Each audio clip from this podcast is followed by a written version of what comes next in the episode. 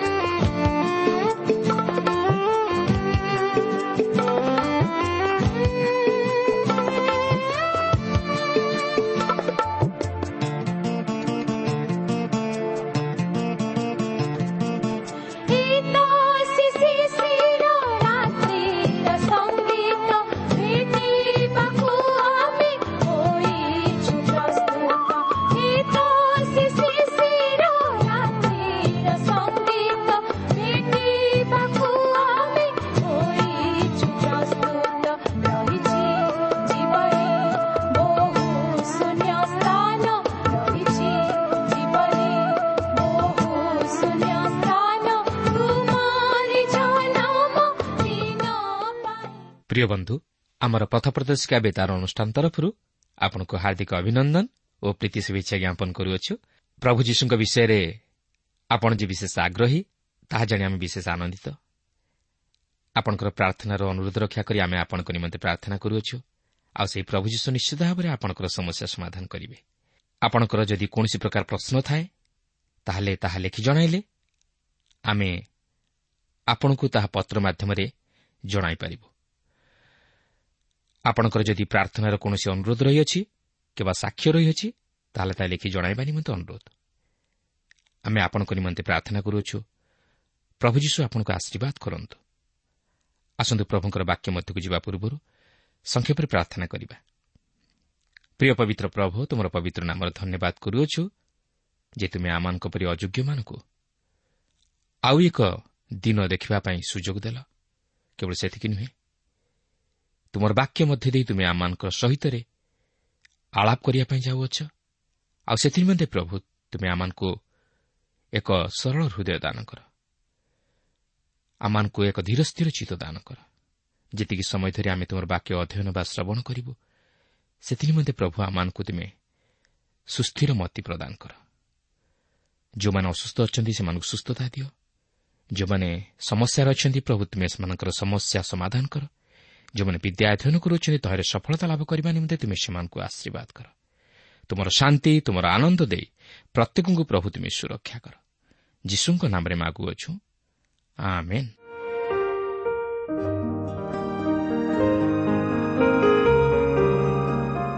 ଆସନ୍ତୁ ବର୍ତ୍ତମାନ ଆମେ ଈଶ୍ୱରଙ୍କର ବାକ୍ୟ ମଧ୍ୟକୁ ଯିବା। ଆଜି ଆମେ ପ୍ରଥମ କରନ୍ଥୀୟ ସାତ ପର୍ବର ପ୍ରଥମ ପଦରୁ ଆରମ୍ଭ କରି ଚବିଶ ପଦ ପର୍ଯ୍ୟନ୍ତ ଅଧ୍ୟୟନ କରିବାକୁ ଯିବା। ଆଜିର ମୁଖ୍ୟ ଆଲୋଚନାର ପ୍ରସଙ୍ଗ ହେଉଛି ବିବାହ। ବାଇବଲ କହେ ବିବାହ ଏକ ପବିତ୍ର ବନ୍ଧନ। ଏହା ଈଶ୍ୱରଙ୍କ ଦୃଷ୍ଟିରେ ପବିତ୍ର ଓ ଆଦରଣୀୟ। ତେଣୁ ଏହି ସାତ ପର୍ବରେ ଆମେ ଏହି ବିବାହ ସମ୍ପର୍କରେ କିଛି ଅଧ୍ୟୟନ କରି ଆଲୋଚନା କରିବାକୁ ଯିବା। ଆପଣଙ୍କର ମନେଥିବ ଗତ ପାଠରେ ପାଉଲ କରନ୍ଥୀୟ ମଣ୍ଡଳୀର ବିଶ୍ୱାସୀମାନଙ୍କୁ ଆତ୍ମିକ ସତ୍ୟତା ବିଷୟରେ ଜଣାଇଥିଲେ ଓ ବେଭିଚାର ଯେ ପାପ ତାହା ମଧ୍ୟ ଦର୍ଶାଇ ନିଜର ଶରୀରକୁ ବେଭିଚାର କର୍ମରୁ ଦୂରେଇ ରଖିବା ପାଇଁ ଶିକ୍ଷା ଦେଇଥିଲେ। ଆମ୍ଭମାନଙ୍କର ଶରୀର ଯେ ଈଶ୍ୱରଙ୍କର ପବିତ୍ର ଆତ୍ମାଙ୍କର ମନ୍ଦିର ତହିଁ ଉପରେ ବିଶେଷ ଗୁରୁତ୍ୱ ପ୍ରଦାନ କରିଥିଲେ। ଆମମାନଙ୍କର ଶରୀର ଈଶ୍ୱରଙ୍କ ମହିମା ପ୍ରକାଶ ନିମନ୍ତେ ବ୍ୟବହୃତ ହେବା ଆବଶ୍ୟକ। ତେବେ ପାଉଲ ସେହି ସମସ୍ୟାର ସମାଧାନ କରିବାକୁ ଯାଇ ଏହି ସାତ ପର୍ବରେ ବିବାହ ସମ୍ପର୍କରେ କିଛି ଶିକ୍ଷା ପ୍ରଦାନ କରନ୍ତି। ତେବେ ଏହି ସାତ ପର୍ବରେ ଉଲ୍ଲେଖ ହୋଇଥିବା ବିଷୟକୁ ବୁଝିବାକୁ ହେଲେ ଆମକୁ ପ୍ରଥମେ ଦୁଇଟି ବିଷୟରେ କିଛି ଧାରଣା ନେବାକୁ ହେବ। ପ୍ରଥମ ପ୍ରଶ୍ନଟି ହେଉଛି ପାଉଲ କ'ଣ ବିବାହ କରିଥିଲେ? ଏହି ବିଷୟ ନେଇ ଧର୍ମଶାସ୍ତ୍ର ଯଦିଓ ସ୍ପଷ୍ଟ ଭାବେ ପ୍ରକାଶ କରେ ନାହିଁ ମାତ୍ର ପାଉଲ କିଏ ଓ ତାହାଙ୍କର ପୃଷ୍ଠଭୂମିରୁ ଅନୁମାନ କରିହୁଏ ଯେ ପାଉଲ ସମ୍ଭବତଃ ଏକ ସମୟରେ ବିବାହ କରିଥିଲେ। ଓ ଏହାପରେ ସେ ବୋଧହୁଏ ପତ୍ନୀବିହୀନ ହୋଇ ରହିଥିଲେ। ପ୍ରେରିତ ଛବିଶ ପର୍ବର ଦଶ ପଦରେ ପାଉଲଙ୍କର ବକ୍ତବ୍ୟ କଥାରୁ ଆମେ ଜାଣିବାକୁ ପାରୁଛୁ ଯେ ସେ ସେହି ମହାସଭାର ଜଣେ ସଭ୍ୟ ବା ସଦସ୍ୟ ଥିଲେ। ତା ନୋଇଥିଲେ ସେ କିପରି ଖ୍ରୀଷ୍ଟ ବିଶ୍ୱାସୀମାନଙ୍କ ବିରୁଦ୍ଧରେ ସ୍ୱର ଉତ୍ତୋଳନ କରିପାରିଥାନ୍ତେ? କାରଣ ତାହାଙ୍କର ଏହି ସ୍ୱର ଉତ୍ତୋଳନ ପଛରେ ପ୍ରଧାନ ଯାଜକମାନଙ୍କର ହାତ ଥିଲା। ଆଉ ଯେଉଁମାନେ କି ସେହି ମହାସଭାର ସଦସ୍ୟ ଥିଲେ ଓ ଏହାର ଅର୍ଥ ପାଉଲ ମଧ୍ୟ ତହିଁର ସଦସ୍ୟ ଥିଲେ। ଯେହେତୁ ସେ ସେହି ମହାସଭାର ସଦସ୍ୟ ଥିଲେ ଏଥିରୁ ଜଣାଯାଏ ଯେ ସେ ସମ୍ଭବତଃ ବିବାହିତ ପୁରୁଷ ଥିଲେ। କାରଣ ସେହି ମହାସଭାର ସଭ୍ୟ ହେବାର ଏହା ଏକ ସର୍ତ୍ତ ଥିଲା। ତାଛଡ଼ା ପାଉଲ ଜଣେ ଜିହୁଦୀ ଥିଲେ ଓ ଜିହୁଦୀ ଜାତିର ଯୁବକମାନଙ୍କୁ ବିବାହ କରିବା ନିମନ୍ତେ ବାଧ୍ୟ କରାଯାଉଥିଲା। ମିସ୍ନା କହନ୍ତି ଯେ ଏହା ସାଧାରଣତଃ ଅଠର ବର୍ଷରେ ଘଟୁଥିଲା। ଯେଉଁ ଜିହୁଦୀର ସ୍ତ୍ରୀ ନଥିଲା ତାହାକୁ ସମ୍ପୂର୍ଣ୍ଣ ମନୁଷ୍ୟ ବୋଲି କୁହାଯାଉନଥିଲା କି ତାହାକୁ ଜଣେ ମନୁଷ୍ୟ ବୋଲି ଗଣନା କରାଯାଉନଥିଲା। ତେଣୁ ନିଃସନ୍ଦେହରେ କୁହାଯାଇପାରେ ଯେ ସେ ପତ୍ନୀବିହୀନ ହୋଇ ରହିଥିଲେ ଓ ପୁନର୍ବାର ବିବାହ କରିନଥିଲେ। ପ୍ରଥମ କରିଥିବା ନଅ ପର୍ବର ପାଞ୍ଚ ପଦରେ ପାଉଲ ଏହିପରି ପ୍ରକାଶ କରନ୍ତି ଅନ୍ୟ ସମସ୍ତ ପ୍ରେରିତ ପ୍ରଭୁଙ୍କ ଭ୍ରାତୃବର୍ଗ ଓ କେଫାଙ୍କ ପରି ବିଶ୍ୱାସିନୀ ସ୍ତ୍ରୀ ବିବାହ କରି ସଙ୍ଗରେ ଘେନି ଭ୍ରମଣ କରିବାକୁ କ'ଣ ଆମମାନଙ୍କର ଅଧିକାର ନାହିଁ? ମୁଁ ଭାବୁଛି ପାଉଲ ଏଠାରେ କହିବାକୁ ଚାହାନ୍ତି ଯଦି ମୁଁ ବିବାହ କରିବାକୁ ଚାହେଁ ତାହେଲେ ମୁଁ ପୁନର୍ବାର ବିବାହ କରିପାରିବି।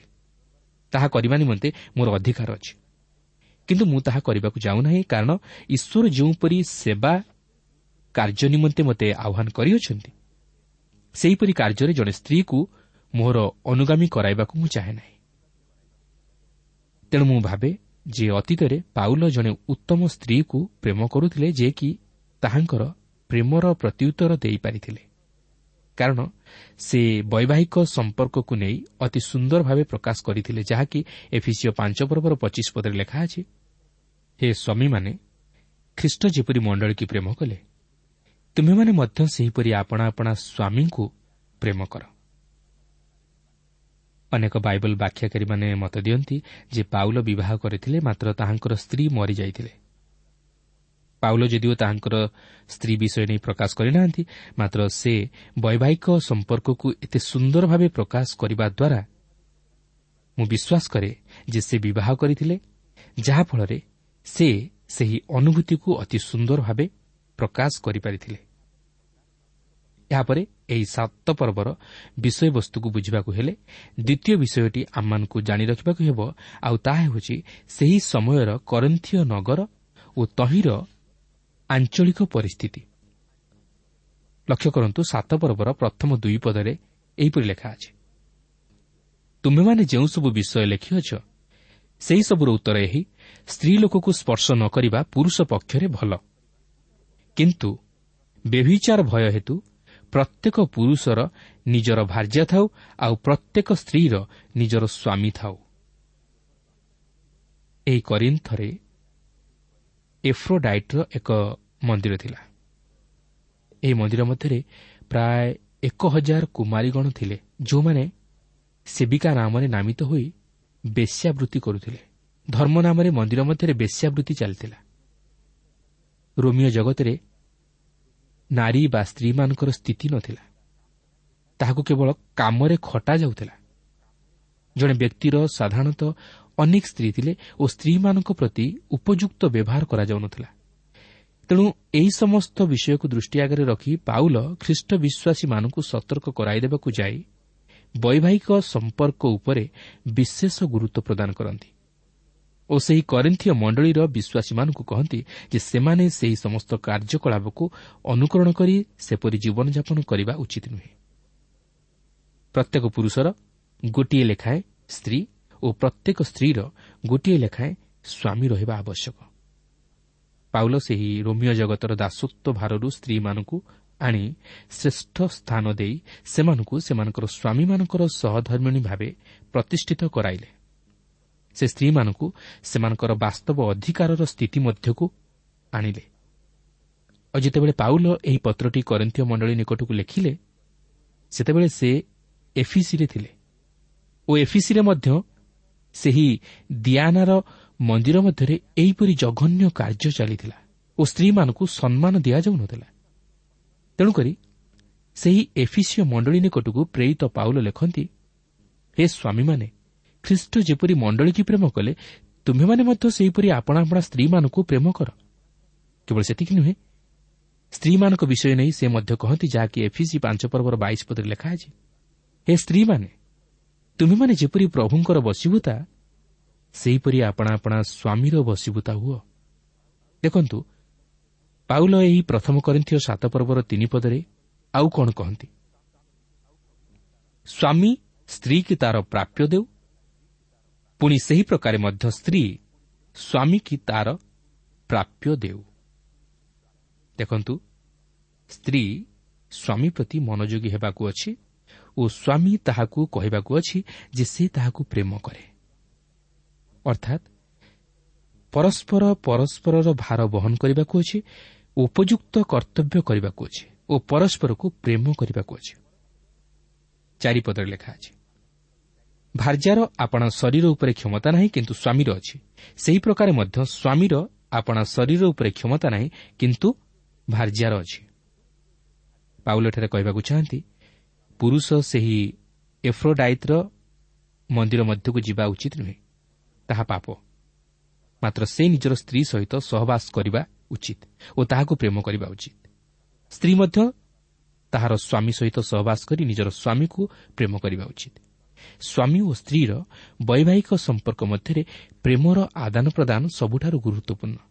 ସେମାନେ ଏକ ଆରେକକୁ ପ୍ରେମ କରି ପ୍ରେମର ବନ୍ଧନରେ ବାନ୍ଧି ହେବା ଉଚିତ ଯେହେତୁ ସେମାନେ ଆଉ ଦୁଇ ନୁହନ୍ତି ମାତ୍ର ଏକ ଅଟନ୍ତି। ତେଣୁ ସ୍ୱାମୀ ସ୍ତ୍ରୀର ଆବଶ୍ୟକତାକୁ ପୂରଣ କରିବାକୁ ଅଛି ଓ ସ୍ତ୍ରୀ ସ୍ୱାମୀର ଆବଶ୍ୟକତାକୁ ପୂରଣ କରିବାକୁ ଅଛି। ମୋର ଜାଣିବାରେ ପାଉଲ ଜଣେ ଉତ୍ତମ ତଥା ମହାନ ସ୍ତ୍ରୀର ପ୍ରେମକୁ ଜାଣିଥିଲେ। ବର୍ତ୍ତମାନ ପାଉଲ ବୈବାହିକ ଜୀବନରେ କିପରି ଜୀବନଯାପନ କରିବାକୁ ହୁଏ ସେହି ବିଷୟ ନେଇ କେତେକ ଉପଦେଶ ପ୍ରଦାନ କରନ୍ତି। ପାଞ୍ଚ ଓ ଛଅ ପଦରେ ଲେଖା ଅଛି ପରସ୍ପରକୁ ବଞ୍ଚିତ ନ କର। କେଜାଣି ପ୍ରାର୍ଥନା ନିମନ୍ତେ ଅବକାଶ ପାଇବା ପାଇଁ ଉଭୟ ଏକ ପରାମର୍ଶ ହୋଇ ଅଳ୍ପ କାଳ ପୃଥକ ରହିପାର। ଆଉ ତୁମମାନଙ୍କ ଇନ୍ଦ୍ରିୟ ଦମନ ଅଭାବ ହେତୁ ଶୟତାନ ଯେପରି ତୁମମାନଙ୍କୁ ପରୀକ୍ଷା ନ କରେ ଏଥିପାଇଁ ପୁନର୍ବାର ଏକତ୍ର ହୁଅ। କିନ୍ତୁ ମୁଁ ଆଜ୍ଞା ଦେଲା ପରି ନ କହି ପରାମର୍ଶ ଦେଲା ପରି ଏହା କହେ। ପାଉଲ କହନ୍ତି ଏହା ଏକ ଆଦେଶ ନୁହେଁ ମାତ୍ର ଏକ ପରାମର୍ଶ ଯାହାକୁ ଅନୁକରଣ କରିବା ଦ୍ୱାରା ଶୟତାନ ସେହି ବିବାହିତ ବ୍ୟକ୍ତିଙ୍କୁ ପରୀକ୍ଷା କରିବା ନିମନ୍ତେ ସୁଯୋଗ ପାଇ ନ ପାରେ କିମ୍ବା ସେମାନଙ୍କର ଦୁର୍ବଳତାର ସୁଯୋଗ ନେଇ ଶୟତାନ ଯେପରି ସେମାନଙ୍କୁ ପ୍ରଲୋଭିତ କରି ନ ପାରେ। ସାତପଦରେ ଲେଖା ଅଛି ତଥାପି ଯେପରି ସବୁ ଲୋକ ମୋହରି ପରିହୁଅନ୍ତି ଏହା ମୋର ଇଚ୍ଛା ମାତ୍ର କେହି ଏ ପ୍ରକାର କେହି ସେ ପ୍ରକାର ପ୍ରତ୍ୟେକ ଜଣ ଈଶ୍ୱରଙ୍କଠାରୁ ଦାନ ପାଇଅଛି। ଏହି ସମୟରେ ପାଉଲଙ୍କର ସ୍ତ୍ରୀ ନଥିଲା। ସେ ପୁନର୍ବିବାହ କରିନଥିଲେ। ସେ ତାହାଙ୍କର ପ୍ରଚାର ଯାତ୍ରାରେ ତାହାଙ୍କ ସହିତ ତାହାଙ୍କର ସ୍ତ୍ରୀଙ୍କୁ ନେଉନଥିଲେ। ଏପରିକି ପ୍ରଭୁଙ୍କ ସେବାରେ ଅନେକ ଲୋକ ଅଛନ୍ତି ଯେଉଁମାନେ କି ବିବାହ କରିନାହାନ୍ତି। ସେମାନେ ସେ ପ୍ରକାର ଉତ୍ସର୍ଗୀକୃତ ଜୀବନଯାପନ କରୁଅଛନ୍ତି କିନ୍ତୁ ସମସ୍ତେ ଯେ ସେହିପରି ଜୀବନଯାପନ କରିବା ଉଚିତ ତାହା ନୁହେଁ। ଅନେକ ମଧ୍ୟ ବିବାହ କରି ପ୍ରଭୁଙ୍କର ସେବା କାର୍ଯ୍ୟ କରନ୍ତି। ତେଣୁ ଅବିବାହିତ ରହି ଈଶ୍ୱରଙ୍କ ସେବା କାର୍ଯ୍ୟ କରିବା ଈଶ୍ୱରଙ୍କ ଦାନ ଓ ବିବାହିତ ହୋଇ ଈଶ୍ୱରଙ୍କ କାର୍ଯ୍ୟ କରିବା ମଧ୍ୟ ଈଶ୍ୱରଙ୍କ ଦାନ। କିନ୍ତୁ ତଥାପି ପାଉଲ କହନ୍ତି ଯେପରି ସବୁ ଲୋକ ମୋହରି ପରି ହୁଅନ୍ତି ଏହା ମୋହର ଇଚ୍ଛା। କାରଣ ସେପରି ରହି ପ୍ରଭୁଙ୍କର କାର୍ଯ୍ୟ କରିବା ଅଧିକ ଗୌରବର ବିଷୟ। ଆଠ ନୂଆ ପଦରେ ଲେଖା ଅଛି। କିନ୍ତୁ ମୁଁ ଅବିବାହିତ ଓ ବିଧବାମାନଙ୍କୁ କହେ ସେମାନେ ମୋ ପରି ରହିଲେ ସେମାନଙ୍କ ପକ୍ଷରେ ଭଲ। ମାତ୍ର ଯଦି ସେମାନେ ଇନ୍ଦ୍ରିୟ ଦମନ କରି ନ ପାରନ୍ତି ତେବେ ବିବାହ କରନ୍ତୁ। କାରଣ କାମାନଳରେ ଦଗ୍ଧ ହେବା ଅପେକ୍ଷା ବିବାହ କରିବା ଭଲ। ପ୍ରକୃତରେ କାମାନଳରେ ଦଗ୍ଧ ହେବା ଅପେକ୍ଷା ବା ବ୍ୟଭିଚାର ରୂପକ ପାପରେ ପତିତ ହୋଇ ଈଶ୍ୱରଙ୍କ ଦ୍ୱାରା ବିଚାରିତ ହେବା ଅପେକ୍ଷା ବିବାହ କରିବା ସେମାନଙ୍କ ପକ୍ଷରେ ଭଲ। ଏହାପରେ ବିବାହିତ ଲୋକମାନଙ୍କ ନିମନ୍ତେ ପାଉଲ ଆଦେଶ ଦିଅନ୍ତି ଯାହାକି ଦଶ ପଦରୁ ଏଗାର ପଦ ମଧ୍ୟରେ ଲେଖା ଅଛି। କିନ୍ତୁ ବିବାହିତମାନଙ୍କୁ ମୁଁ ଆଜ୍ଞା ଦିଏ। ମୁଁ ନୁହେଁ ମାତ୍ର ପ୍ରଭୁ ଆଜ୍ଞା ଦିଅନ୍ତି। ଭାର୍ଯ୍ୟା ଆପଣା ସ୍ୱାମୀଠାରୁ ବିଭିନ୍ନ ନ ହେଉ। କିନ୍ତୁ ଯଦି ସେ ବିଭିନ୍ନ ହୁଏ ତେବେ ସେ ଆଉ ବିବାହ ନ କରୁ ଅଥବା ଆପଣା ସ୍ୱାମୀ ସହିତ ମିଳିତ ହେଉ। ପୁଣି ସ୍ୱାମୀ ଆପଣା ଭାର୍ଯ୍ୟାକୁ ପରିତ୍ୟାଗ ନ କରୁ। ଏଠାରେ ଏକ ଆଜ୍ଞା ଦିଆଯାଇଥିବାର ଆମେ ଲକ୍ଷ୍ୟ କରୁଅଛୁ। ସ୍ୱାମୀ ସ୍ତ୍ରୀକୁ ପରିତ୍ୟାଗ କରିବା ଉଚିତ ନୁହେଁ କି ସ୍ତ୍ରୀ ସ୍ୱାମୀକୁ ପରିତ୍ୟାଗ କରିବା ଉଚିତ ନୁହେଁ। ଆଉ ଯଦି ସେମାନଙ୍କ ମଧ୍ୟରୁ କେହି କାହାକୁ ପରିତ୍ୟାଗ କରେ ତାହେଲେ ସେମାନେ ଆଉ ବିବାହ ନ କରିବା ଭଲ। ବର୍ତ୍ତମାନ ସେହି କରିନ୍ଥୀୟ ମଣ୍ଡଳୀରେ ଆଉ ଏକ ନୂଆ ସମସ୍ୟା ଆସି ଉପସ୍ଥିତ ହୋଇଅଛି। ପାଉଲ ସେହି କରିନ୍ଥକୁ ଆସି ସୁଷମାଚାର ପ୍ରଚାର କରିସାରିବା ପରେ ଏକ ପରିବାର ମଧ୍ୟରୁ ଜଣେ ସ୍ୱାମୀ ଆସି ପ୍ରଭୁ ଯୀଶୁଖ୍ରୀଷ୍ଟଙ୍କୁ ଗ୍ରହଣ କରିପାରିଥାନ୍ତି। ମାତ୍ର ସ୍ତ୍ରୀ ନୁହେଁ। ଓ ଅନ୍ୟ ଏକ ପରିବାର ମଧ୍ୟରୁ ସ୍ତ୍ରୀ ପ୍ରଭୁ ଯୀଶୁଖ୍ରୀଷ୍ଟଙ୍କୁ ଗ୍ରହଣ କରିପାରିଥାନ୍ତି ମାତ୍ର ସ୍ୱାମୀ ନୁହେଁ। ତାହେଲେ ଏହିପରି ପରିସ୍ଥିତିରେ ସେହି ବିଶ୍ୱାସୀ ବା ବିଶ୍ୱାସିନୀ କ'ଣ କରିବ? ପାଉଲ ଏହି ସମସ୍ୟାର ସମାଧାନ ନିମନ୍ତେ ପରବର୍ତ୍ତୀ ଅଂଶରେ ପ୍ରକାଶ କରନ୍ତି। ଦେଖନ୍ତୁ ସାତ ପର୍ବର ବାର ପଦରୁ ଚଉଦ ପଦ ମଧ୍ୟରେ ଏହିପରି ଲେଖା ଅଛି କିନ୍ତୁ ଅନ୍ୟ ସମସ୍ତଙ୍କୁ ମୁଁ କହେ ପ୍ରଭୁ କହନ୍ତି ନାହିଁ। ଯଦି କୌଣସି ଭାଇର ଅବିଶ୍ୱାସିନୀ ଭାର୍ଯ୍ୟା ଥାଏ ଆଉ ସେ ତାର ସହିତ ବାସ କରିବାକୁ ସମ୍ମତା ହୁଏ ତାହେଲେ ସେ ତାକୁ ପରିତ୍ୟାଗ ନ କରୁ।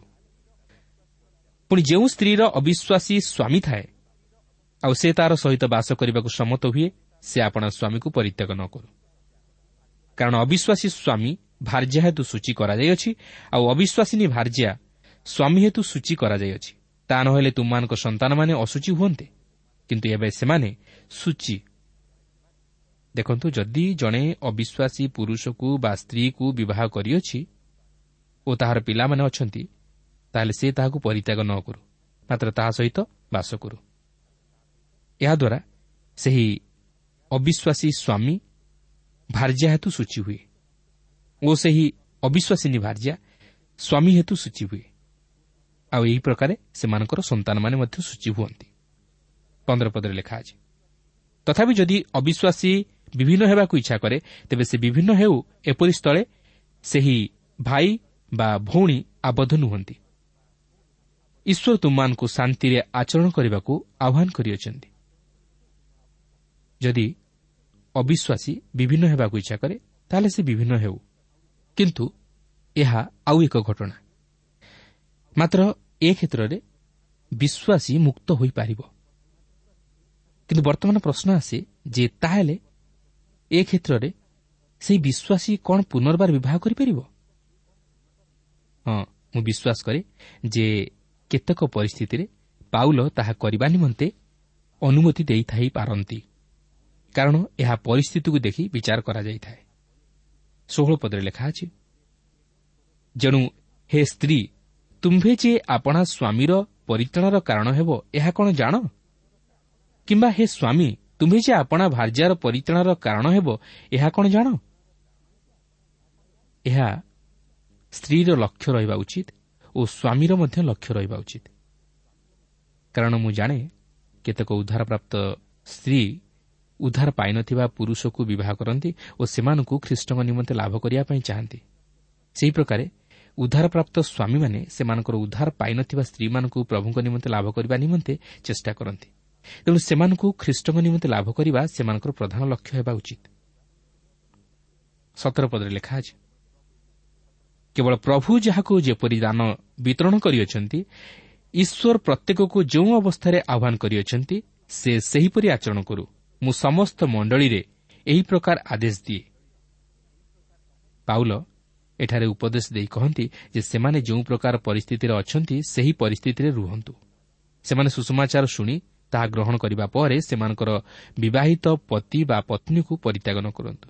ଆଉ ଯଦି ସେହି ଅବିଶ୍ୱାସୀ ସ୍ତ୍ରୀ ବା ପୁରୁଷ ତାହାର ବିଶ୍ୱାସୀ ସ୍ତ୍ରୀ ବା ପୁରୁଷ ସହିତ ରହିବା ପାଇଁ ଇଚ୍ଛା କରେ ଓ ସମ୍ମତ ହୁଏ ତାହେଲେ ସେ ତାହାକୁ ପରିତ୍ୟାଗ ନ କରୁ।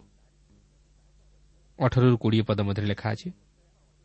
କେହି କି ସୁନ୍ନତ ଅବସ୍ଥାରେ ଆହୁତ ହୋଇଅଛି ସେ ଅସୁନତି ପରି ଦେଖାଯିବାକୁ ଚେଷ୍ଟା ନ କରୁ।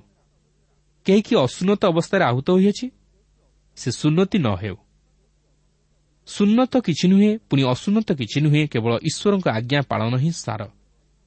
ପ୍ରତ୍ୟେକ ଜଣ ଯେଉଁ ଅବସ୍ଥାରେ ଆହୁତ ହୋଇଅଛି ସେ ସେଥିରେ ଥାଉ। ପାଉଲ ଏଠାରେ କହିବାକୁ ଚାହାନ୍ତି ଯେ ଯେଉଁ ପ୍ରକାର ପରିସ୍ଥିତିରେ ଆହୁତ ହୋଇଅଛି ସେ ସେଥିରେ ଥାଉ। ଅନ୍ୟ ଅର୍ଥରେ କହିବାକୁ ଗଲେ ଆପଣ ଯେକୌଣସି ପ୍ରକାର ଅବସ୍ଥାରେ ଥାଇ ଖ୍ରୀଷ୍ଟଙ୍କୁ ପାଇ ଅଛନ୍ତି ଆପଣ ସେହି ଅବସ୍ଥାରେ ଖ୍ରୀଷ୍ଟଙ୍କଠାରେ ସ୍ଥିର ହୋଇ ରୁହନ୍ତୁ ଖ୍ରୀଷ୍ଟଙ୍କର ବଶୀଭୂତ ହୋଇ ରୁହନ୍ତୁ। ତାହା ହିଁ ହେଉଛି ସବୁଠାରୁ ଗୁରୁତ୍ୱପୂର୍ଣ୍ଣ ବିଷୟ। ପ୍ରଭୁଙ୍କର ଇଚ୍ଛା ଲୋଡ଼ି ସମସ୍ତ କାର୍ଯ୍ୟ କରନ୍ତୁ ମାତ୍ର ନିଜର ପୁରାତନ ଜୀବନକୁ ଫେରି ଯାଆନ୍ତୁ ନାହିଁ ଅର୍ଥାତ୍ ନିଜର ପାପମୟ ଜୀବନକୁ ଫେରିଯାଆନ୍ତୁ ନାହିଁ। ଏପରି ମଧ୍ୟ ଅଛନ୍ତି ଯେଉଁମାନେ କି ପ୍ରଭୁଙ୍କୁ ପାଇବା ପରେ ସେମାନଙ୍କର ବୃତ୍ତି ବା ବ୍ୟବସାୟକୁ ଛାଡ଼ି ବା ନିଜର ପରିବାର ତଥା ଗୃହକୁ ଛାଡ଼ି ପୂର୍ଣ୍ଣ ସମୟବ୍ୟାପୀ ଈଶ୍ୱରଙ୍କର କାର୍ଯ୍ୟ କରିବା ନିମନ୍ତେ ଇଚ୍ଛା କରନ୍ତି। କାରଣ ସେମାନେ ଭାବନ୍ତି ପ୍ରଭୁଙ୍କୁ ପାଇବା ପରେ ଏପରି କାର୍ଯ୍ୟ କରିବା ଠିକ୍ ନୁହେଁ। କିନ୍ତୁ ଏପରି ଭାବିବା ମଧ୍ୟ ଭୁଲ। ପ୍ରଭୁ ଆପଣଙ୍କୁ ମଧ୍ୟ ସେହି କାର୍ଯ୍ୟ ମାଧ୍ୟମରେ ବ୍ୟବହାର କରିପାରିବେ। କିନ୍ତୁ ଆପଣ ଯଦି ସେହିପରି ପ୍ରଭୁଙ୍କଠାରୁ ଚାଳନା ପାଉଛନ୍ତି ତାହେଲେ ଆପଣ ସେହିସବୁ କାର୍ଯ୍ୟ ପରିତ୍ୟାଗ କରି ପୂର୍ଣ୍ଣ ସମୟ ବ୍ୟାପୀ ପ୍ରଭୁଙ୍କ ନିମନ୍ତେ କାର୍ଯ୍ୟ କରିପାରନ୍ତି। ତେବେ ଦେଖନ୍ତୁ ଏହି ବିଷୟ ନେଇ ପାଉଲ କ'ଣ କହନ୍ତି? ସାତ ପର୍ବର ଏକୋଇଶ ବାଇଶ ପଦରେ ଲେଖା ଅଛି ତୁମ୍ଭେ କି ଦାସ ହୋଇ ଆହୁତ ହୋଇଅଛ? ଚିନ୍ତା କର ନାହିଁ। ମାତ୍ର ଯେବେ ମୁକ୍ତ ହୋଇପାର ତେବେ ବରଂ ସୁଯୋଗ ଅବଲମ୍ବନ କର। କାରଣ ଯେ ଦାସ ହୋଇ ପ୍ରଭୁଙ୍କଠାରେ ଆହୁତ ହୋଇଅଛି ସେ ପ୍ରଭୁଙ୍କ ମୁକ୍ତ ଲୋକ। ସେହି ପ୍ରକାରେ ଯେ ମୁକ୍ତ ହୋଇ ଆହୁତ ହୋଇଅଛି ସେ ଖ୍ରୀଷ୍ଟଙ୍କ ଦାସ। ସେହି ସମୟରେ ଦାସମାନେ ଥିଲେ ଓ ମୁକ୍ତ ଲୋକମାନେ ମଧ୍ୟ ଥିଲେ। ଯଦି ଜଣେ ବ୍ୟକ୍ତି ଦାସ ସ୍ୱରୂପ ଥିଲା ତାହେଲେ ଈଶ୍ୱର ଯେ ତାହାକୁ ଆହ୍ୱାନ କରିଅଛନ୍ତି ଓ ତାହାକୁ ତାହାର ଦାସ ହସ୍ତରୁ ମୁକ୍ତ କରିବାକୁ ଚାହାନ୍ତି ଏହା ଭାବି ତାହାକୁ ତାହାର ସେହି କାର୍ଯ୍ୟରୁ ଇସ୍ତଫା ଦେବା ନିମନ୍ତେ ଚେଷ୍ଟା କରିବା ଉଚିତ ନଥିଲା। ତାହାକୁ ସେହି ପ୍ରକାର ଅବସ୍ଥା ମଧ୍ୟରେ ମଧ୍ୟ ଖ୍ରୀଷ୍ଟଙ୍କଠାରେ ସ୍ଥିର ରହିବାକୁ ଥିଲା। ଆଜି ଅନେକ ସ୍ତ୍ରୀମାନେ ଅଛନ୍ତି ଯେଉଁମାନେ କି ନିଜର ପରିବାରର ଦାୟିତ୍ୱକୁ ବହନ ନ କରି ବାଇବଲ ଶିକ୍ଷକ ହେବା ନିମନ୍ତେ ଚାହାନ୍ତି ଓ ପ୍ରଚାର କାର୍ଯ୍ୟରେ ଅଂଶଗ୍ରହଣ କରିବାକୁ ଚାହାନ୍ତି। ହଁ ତାହା ଭଲ କଥା। ମାତ୍ର ସେମାନେ ନିଜର ସନ୍ତାନମାନଙ୍କୁ ତଥା ପରିବାରକୁ ପ୍ରଭୁରେ ବଢ଼ାଇବା ଉଚିତ। ନିଜର ପରିବାରର ଯତ୍ନ ନେବା ଉଚିତ। କାରଣ ତାହା ହେଉଛି ସେମାନଙ୍କ ସେବା କାର୍ଯ୍ୟର ପ୍ରଧାନ ସ୍ଥଳ। କିନ୍ତୁ ସେମାନେ ନିଜର ପରିବାରକୁ ଉପେକ୍ଷା କରି ପ୍ରଭୁଙ୍କ ନିମନ୍ତେ ପୂର୍ଣ୍ଣ ସମୟବ୍ୟାପୀ କାର୍ଯ୍ୟ କରିବା ନିମନ୍ତେ ଚେଷ୍ଟା କରିବା ଉଚିତ ନୁହେଁ। ପ୍ରଭୁ ଚାହାନ୍ତି ସେମାନେ ଯେପରି ନିଜର ପରିବାରକୁ ପ୍ରଥମେ ପ୍ରଭୁରେ ଦୃଢ଼ କରନ୍ତୁ ପ୍ରଭୁରେ ବଢ଼ାନ୍ତୁ। ତାହା ହେଉଛି ସେମାନଙ୍କର ପ୍ରଧାନ ଦାୟିତ୍ୱ। ଏହାପରେ ତେଇଶ ଓ ଚବିଶ ପଦରେ ଲେଖା ଅଛି ତୁମେମାନେ ବିଶେଷ ମୂଲ୍ୟରେ କିଣାଯାଇଅଛ ମନୁଷ୍ୟର ଦାସ ହୁଅ ନାହିଁ। ଏ ଭାଇମାନେ ପ୍ରତ୍ୟେକ ଜଣ ଯେଉଁ ଅବସ୍ଥାରେ ଆହୁତ ହୋଇଅଛି ସେ ଈଶ୍ୱରଙ୍କ ସହଭାଗିତାରେ ସେହି ଅବସ୍ଥାରେ ଥାଉ। ଅନ୍ୟ ଅର୍ଥରେ କହିବାକୁ ଗଲେ ପାଉଲ କହନ୍ତି ତୁମେମାନେ ଖ୍ରୀଷ୍ଟଙ୍କର ରକ୍ତରେ ମୁକ୍ତ ହୋଇଅଛ ତେଣୁ ତୁମେମାନେ ଖ୍ରୀଷ୍ଟଙ୍କର ଦାସ ହୁଅ। ଅର୍ଥାତ୍ ଖ୍ରୀଷ୍ଟଙ୍କ ବାକ୍ୟର ବଶୀଭୂତ ହୁଅ। ମାତ୍ର ମନୁଷ୍ୟର ଇଚ୍ଛା ବା ଚିନ୍ତାଧାରା ଅନୁଯାୟୀ ପରିଚାଳିତ ହୁଅ ନାହିଁ। ଅର୍ଥାତ୍ ଖ୍ରୀଷ୍ଟଙ୍କଠାରେ ସଂଯୁକ୍ତ ହୋଇ ଜୀବନଯାପନ କର। କିନ୍ତୁ ଯଦି କୌଣସି କାର୍ଯ୍ୟ ଖ୍ରୀଷ୍ଟଙ୍କ ସହିତ ସଂଯୁକ୍ତ ଜୀବନଯାପନରେ ପ୍ରତିବନ୍ଧକର କାରଣ ହୁଏ ତାହେଲେ ତାହା ପରିତ୍ୟାଗ କରିବା ଉଚିତ। ପ୍ରିୟ ବନ୍ଧୁ ଆପଣ ଯଦି ଖ୍ରୀଷ୍ଟଙ୍କର ପରିଚୟ ପାଇଅଛନ୍ତି ଓ ଆପଣଙ୍କ ଜୀବନରେ ପରିବର୍ତ୍ତନ ଘଟିଅଛି ତାହେଲେ ଆପଣ ସବୁକିଛି ପରିସ୍ଥିତିରେ ସେହି ଖ୍ରୀଷ୍ଟଙ୍କଠାରେ ସ୍ଥିର ହୋଇ ରୁହନ୍ତୁ। ଆପଣ ଯାହା କିଛି କରନ୍ତୁ ନା କାହିଁକି ଓ ଯେଉଁ ସ୍ଥାନରେ ରହିଥାନ୍ତୁ ନା କାହିଁକି ଈଶ୍ୱରଙ୍କୁ ପ୍ରଥମ ସ୍ଥାନ ଦିଅନ୍ତୁ। କିନ୍ତୁ ଯଦି ସେହି ଅବସ୍ଥା ଆପଣଙ୍କୁ ଈଶ୍ୱରଙ୍କୁ ପ୍ରଥମ ସ୍ଥାନ ଦେବାରେ ବାଧା ସୃଷ୍ଟି କରେ ଓ ଆପଣଙ୍କ ଆତ୍ମିକ ଜୀବନର ଅଭିବୃଦ୍ଧିରେ ପ୍ରତିବନ୍ଧକର କାରଣ ହୁଏ ତାହେଲେ ଆପଣ ସେହି ଅବସ୍ଥାର ପରିବର୍ତ୍ତନ ଘଟାଇବା ଉଚିତ। ପ୍ରିୟ ବନ୍ଧୁ ଆପଣ ଆଜି ଯେଉଁଠାରେ ଅଛନ୍ତି ଓ ଯେଉଁ କାର୍ଯ୍ୟ କରୁଅଛନ୍ତି ତହିଁରେ କ'ଣ ଖ୍ରୀଷ୍ଟଙ୍କର ଉପସ୍ଥିତିକୁ ଉପଲବ୍ଧି କରିପାରୁଛନ୍ତି? ଖ୍ରୀଷ୍ଟଙ୍କ ସହ ସଂଯୁକ୍ତ ଜୀବନଯାପନ କରିପାରୁଛନ୍ତି? ଖ୍ରୀଷ୍ଟଙ୍କୁ ବା ପିତା ଈଶ୍ୱରଙ୍କୁ ପ୍ରଥମ ସ୍ଥାନ ଦେଇ ତାହାଙ୍କୁ ଗୌରବାନ୍ୱିତ କରିପାରୁଛନ୍ତି? କିନ୍ତୁ ପ୍ରଭୁ ଚାହାନ୍ତି ଆମେ ଯେଉଁପରି ଅବସ୍ଥାରେ ଥାଉ ନା କାହିଁକି ତାହାଙ୍କୁ ପ୍ରଥମ ସ୍ଥାନ ଦେଉ। ପ୍ରିୟ ବନ୍ଧୁ ମୁଁ ଜାଣେ ନା ପ୍ରଭୁ ଆପଣଙ୍କୁ କି ପ୍ରକାର ଭାବେ ଆହ୍ୱାନ କରିଅଛନ୍ତି ବା ଆହ୍ୱାନ କରିବା ପାଇଁ ଯାଉଅଛନ୍ତି? ମାତ୍ର ମନେ ରଖନ୍ତୁ ଆପଣ ଯେକୌଣସି କାର୍ଯ୍ୟ କରନ୍ତୁ ନା କାହିଁକି ଯଦି ସେହି କାର୍ଯ୍ୟରେ ଆପଣ ଖ୍ରୀଷ୍ଟଙ୍କୁ ପ୍ରଥମ ସ୍ଥାନ ଦେଇପାରୁନାହାନ୍ତି ବା ଖ୍ରୀଷ୍ଟଙ୍କୁ ପ୍ରଥମ ସ୍ଥାନ ଦେବାରେ ପ୍ରତିବନ୍ଧକ ଉପୁଜୁଅଛି ଆପଣ ଆତ୍ମିକ ଶାନ୍ତି ପାଇପାରୁନାହାନ୍ତି ଆତ୍ମିକ ପରିତୃପ୍ତି ଉପଲବ୍ଧି କରିପାରୁନାହାନ୍ତି? ବା ଆପଣ ଖ୍ରୀଷ୍ଟଙ୍କର ଉପସ୍ଥିତିକୁ ନିଜ ଜୀବନରେ ଉପଲବ୍ଧି କରିପାରୁନାହାନ୍ତି? ତାହେଲେ ସବୁଠାରୁ ଭଲ ବିଷୟ ହେଉଛି ସେହି କାର୍ଯ୍ୟ ପରିତ୍ୟାଗ କରି ଖ୍ରୀଷ୍ଟଙ୍କ ସହିତ ସଂଯୁକ୍ତ ରହିବା ପାଇଁ ଚେଷ୍ଟା କରନ୍ତୁ। ନାଇଁ ଯଦି ଆପଣ ସେହି କାର୍ଯ୍ୟ ମଧ୍ୟ ଦେଇ ଖ୍ରୀଷ୍ଟଙ୍କୁ ଗୌରବାନ୍ୱିତ କରିପାରୁଛନ୍ତି ଖ୍ରୀଷ୍ଟଙ୍କର ଉପସ୍ଥିତିକୁ ଉପଲବ୍ଧି କରିପାରୁଛନ୍ତି ଖ୍ରୀଷ୍ଟଙ୍କର ଚାଳନାକୁ ଉପଲବ୍ଧି କରିପାରୁଛନ୍ତି ଆତ୍ମିକ ଶାନ୍ତି ପାଇପାରୁଛନ୍ତି ତାହେଲେ ତାହା ପ୍ରଭୁଙ୍କର ଗୌରବ ହେଉ।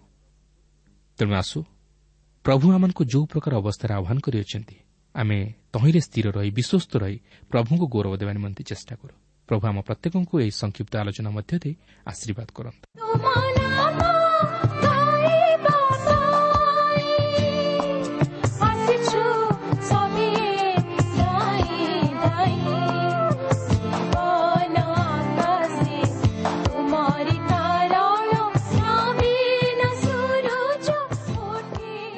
ଶ୍ରୋତା ଆପଣ ଈଶ୍ୱରଙ୍କ ବାକ୍ୟ ଶୁଣିବା ନିମନ୍ତେ ସମୟ ଦେଇଥିବାରୁ ଆମେ ଧନ୍ୟବାଦୀ।